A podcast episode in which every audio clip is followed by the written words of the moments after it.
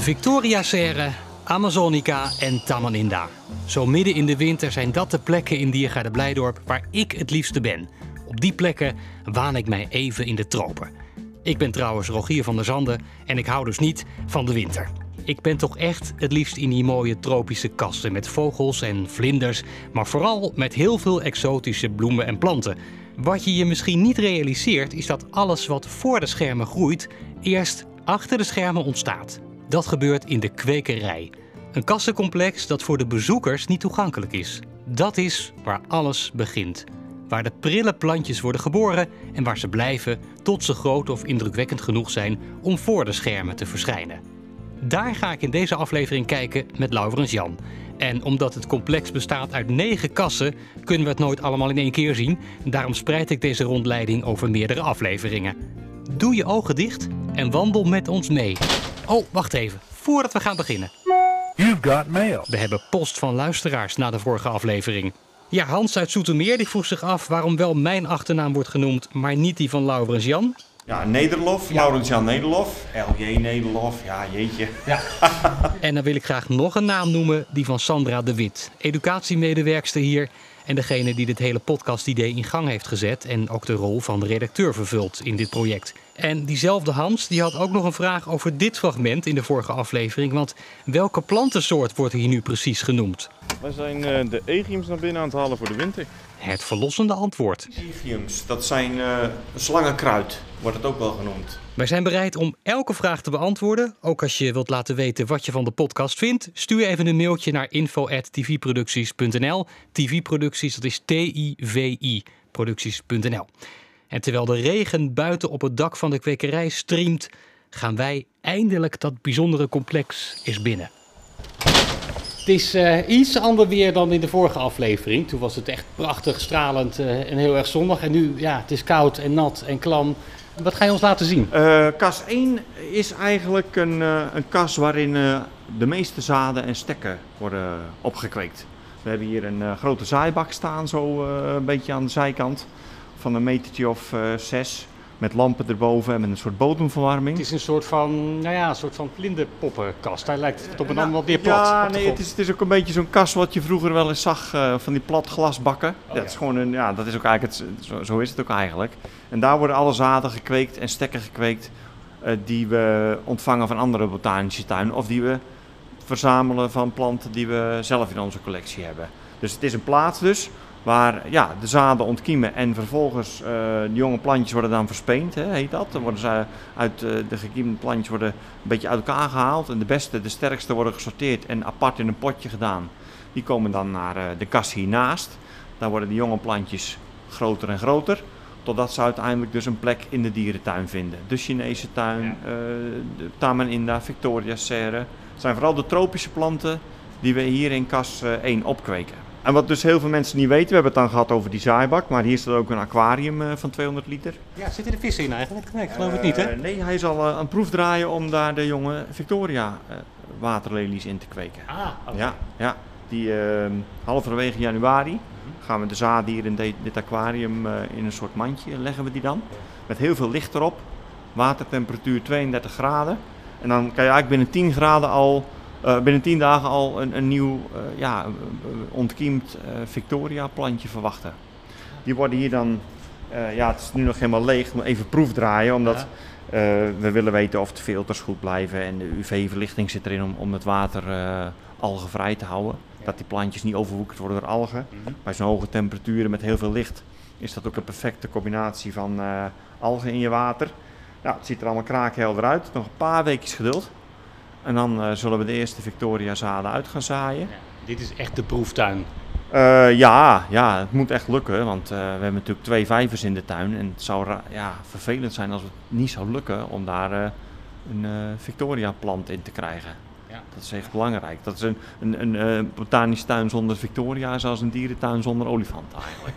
Kan Er staan nooit maar- dierentuinen zonder ja, olifanten. het kan wel, maar het is, het is net niet leuk. Nee. Ja, nou ja, het is hartstikke leuke dierentuin. Ja, oké. ja, ja. ja, je moet het een beetje compenseren dan. En ehm, nou ja, goed, dat de, de waterplanten staan hier. Eh, en naast ons hebben we ook een vijver dan met eh, de waterbananen. Als je waterbanaan googelt dan, eh, en afbeeldingen, dan zie je daar een, een geel ding op het strand waar veel mensen op zitten en dan met een speedboot Oh, ja. voortgetrokken Ja, worden. dat is dit niet, hè? Dat is het niet. Nee, als je nog even verder zoekt de waterbanaan plant, dan eh, kom je deze tegen. Het zijn de familie van de arendskelken. Ik moet het heel even omschrijven hoor. Ja. Het is een soort betonnen bak met water. Daar staan, eh, nou daar drijven ook, wat zijn dit soort waterlelies drijven daar ook weer op? Ja, En- dat is eh, watersla.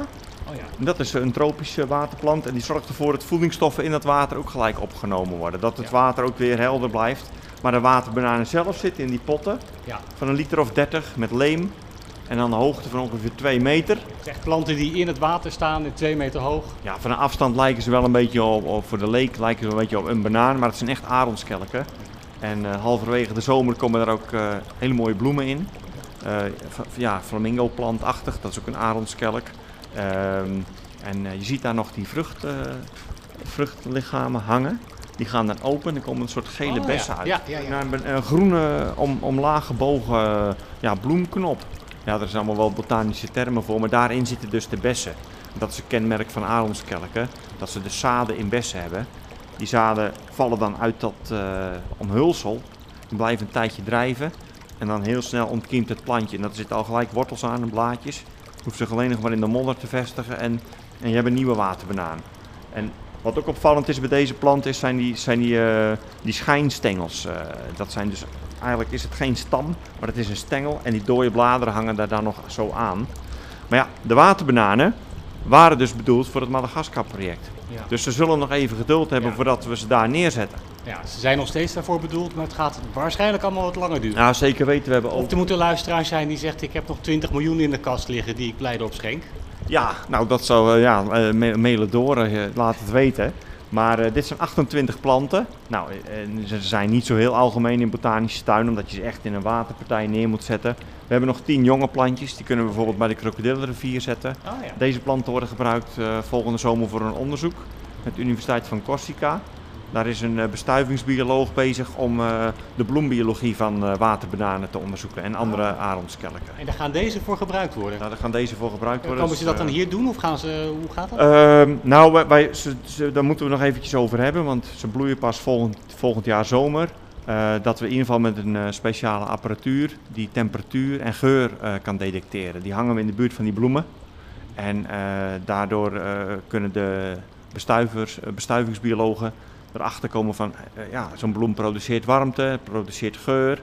Maar hoeveel en wat en hoe precies, dat is bij veel arendskelken Mhm. en ook deze waterbanaan nog niet eh, voldoende omschreven. Ze willen een beeld krijgen van hoe werkt dat nou met die bloemen. Dus ook voor wat betreft het botanische deel van Blijdorp heeft het, heeft het ook een onderzoeksfunctie. Niet alleen maar een, nou, een amusement. Ja, klopt. Het is natuurlijk, waterbananen zijn een prachtig decor. Ze horen echt wel bij zo'n eh, tropisch eh, water in Madagaskar.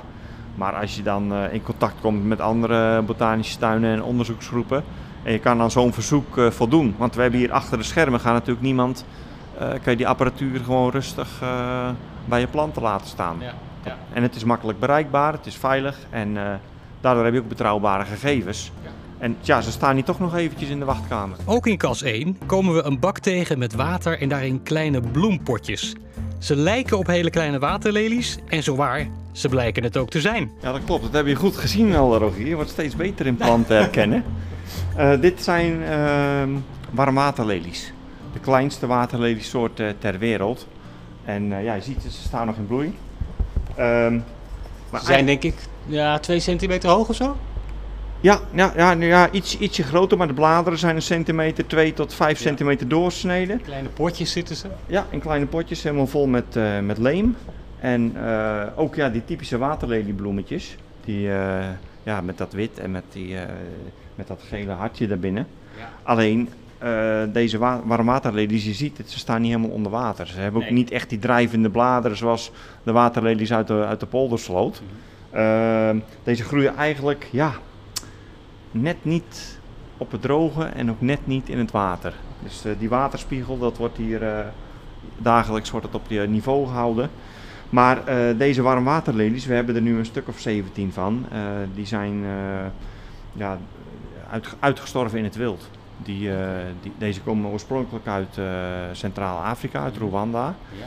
waar ze dus eh, groeien, groeidun, of ja, het is moeilijk te achterhalen op dit moment, omdat ja, er is weinig informatie over het gebied Ja. in, in die vulkanische bronnen. En de omgeving van die vulkanische bronnen, die oevers van die kanalen en van die slootjes die daar, poelen die daar ontstaan. Op enkele plaatsen wordt deze warmwaterlelie dan waargenomen. En eh, voor het eerst is deze soort in 1982 ontdekt door een eh, botanicus. Dat is heel kort geleden echt. Ja, dat is heel kort geleden. En ehm, ja, deze planten zijn eigenlijk zeldzamer dan een reuzenpanda. Er zijn echt maar een paar tuinen in Europa die ze hebben. Eh, We hebben het hier gewoon over een van de meest bedreigde levende wezens ter wereld. Daar staan we nu oog in oog mee ja, eigenlijk. in, het, in het wild uitgestorven. Totdat, totdat ze misschien weer herontdekt worden. Rwanda is natuurlijk een turbulent eh, eh, land. En eh, ja, zeker toen die plant in 82 ontdekt is, eh, ging het daarna goed mis. Eh, Rwanda had daar eh, best wel zijn problemen. Daardoor is het klimaat ook nu nog steeds niet zo van ja, Nee. natuurbehoud staat er heel hoog in het vaandel. Dus voorlopig is er gesteld van deze waterlelies zijn verdwenen. Omdat ze na 1982 in 2005 nog een keer die groeiplaatsen zijn hebben bezocht. En dan bleek dus dat door het kanaliseren en het verleggen van die warmwaterbronnen, dat de groeiplaatsen van de warmwaterlelie verdwenen waren. En op dat moment hebben ze gezegd van nou, het is niet meer waarneembaar in het wild. Uitgestorven in het wild volgens de IUCN Redlist. Ja. En Maar in gevangenschap, hoewel ja, ze staan niet in een kooi. gevangenschap, Ja, dierentuinen van Bonn hadden een paar planten, omdat die botanicus die ze ontdekt had eh, uit eh, die universiteit vandaan kwam. Daarom zie je ook weer het belang van botanische tuinen. Ja. Eh, een paar zaadjes zaten in het herbariummateriaal. Die heeft opgekwe- is dan toch opgekweekt tot plant. Kew Gardens eh, in Londen zijn ook heel erg bezig met bedreigde planten en ook met, in het bijzonder met waterlelies. Die hebben daar eh, nog meer onderzoek naar verricht over, de, over het kweken van die soort in, eh, in botanische tuinen. En vervolgens die jonge plantjes verdeeld onder een heel netwerk van botanische tuinen in Europa. Om, om echt, als er Ja. op één plek iets misgaat, zou het alsnog Ja. Allemaal voor niks geweest zijn. Als ze hier een, nou ja, een ziekte krijgen of eh, er gebeurt iets Ja. waardoor ze hier allemaal Ja. doodgaan, dan zijn ze verspreid. Ja. Wat, wat bij dieren ook gebeurt. Hè? Wat de reden is dat dieren in verschillende dierentuinen zitten, maar dat gebeurt dus ook bij planten. Ja, ja wel, wel op een iets andere schaal. Ik denk dat dierentuinen met dieren, eh, stamboeken en zo het wel iets beter geregeld hebben. Maar je ziet ook dat botanische tuinen ook steeds meer die kant op moeten gaan. Omdat je niet als één tuin één plantensoort zou kunnen beschermen. Want ook dat is samenwerking, daar is samenwerking voor nodig met, eh, met, met natuurbehoudsorganisaties of met de plaatselijke bevolking. Uiteindelijk zou het toch wel mooi zijn om deze waterlelies weer in dat gebied terug te kunnen krijgen. En dat kan zijn met planten uit botanische tuinen, maar het kan ook zijn om weer die, eh, die, die warmwaterbronnen weer te herstellen. En dat de zaden die daar nog zitten, dat dat misschien toch wel goed komt. Maar ja, dat is voor mij ook onbekend nog hoe dat daar ooit zal lopen. Maar ja, en- en deze staan in een, eh, nou ja, een soort eh, laag aquarium, maar ik zie ook kleine visjes. Wat zijn dat, guppen die er tussendoor zwemmen? ja, ja guppen die erin zwemmen. Ja, een beetje voor de levendigheid en ook een beetje om de muggenlarven eruit te halen en, eh, en andere dingen. En ja, volgens mij zijn ze ook vanzelf ingekomen hoor. En, Hoe eh, kunnen ze er nou vanzelf inkomen? Er moeten iemand Ja, nou, eitjes wordt wel hebben. eens water in, heen en weer eh, ge- gewisseld. Met een gieter is, kan het zo gebeurd zijn. Zoiets moet het zijn, want ik was even vergeten hier dat guppen natuurlijk levendbarend zijn. Eitjes waren het dus in elk geval niet. We laten de zeer zeldzame warmwaterlelies achter ons en lopen een kas verder. En daar staan ze, de vleesetende planten. Het zijn wel allemaal kleine dingetjes allemaal. Eh, het zijn zonnedauwsoorten, Drosera. Ehm, we hebben wat eh, Zuid-Afrikaanse soorten, wat soorten uit Midden-Amerika. De Ze zijn inderdaad niet groot hè, voor Nee, de luisteraars. nee, het zijn niet eh, enorme... Eh, dit zijn eh zonnedauwsoorten met een doorsnede van ongeveer eh 4, 5 centimeter. En eh, ik denk dat er wel een soortje of 12 hier staan. Deze, deze zijn wel te zien eh, voor de mensen in de Victoria Serre. Als die dadelijk weer eh, is geopend, dan hebben we daar een heel soort eh, moeras aangelegd. Een moerasbak. En tussen dat mos staan al die, eh die zonnedauws eh, verscholen. Ook het mooiste natuurlijk vanaf april tot en met september. Dan eh, is het groeiseizoen, het is nu een beetje najaar, dus dan eh, gaan ze ook in de winterrust.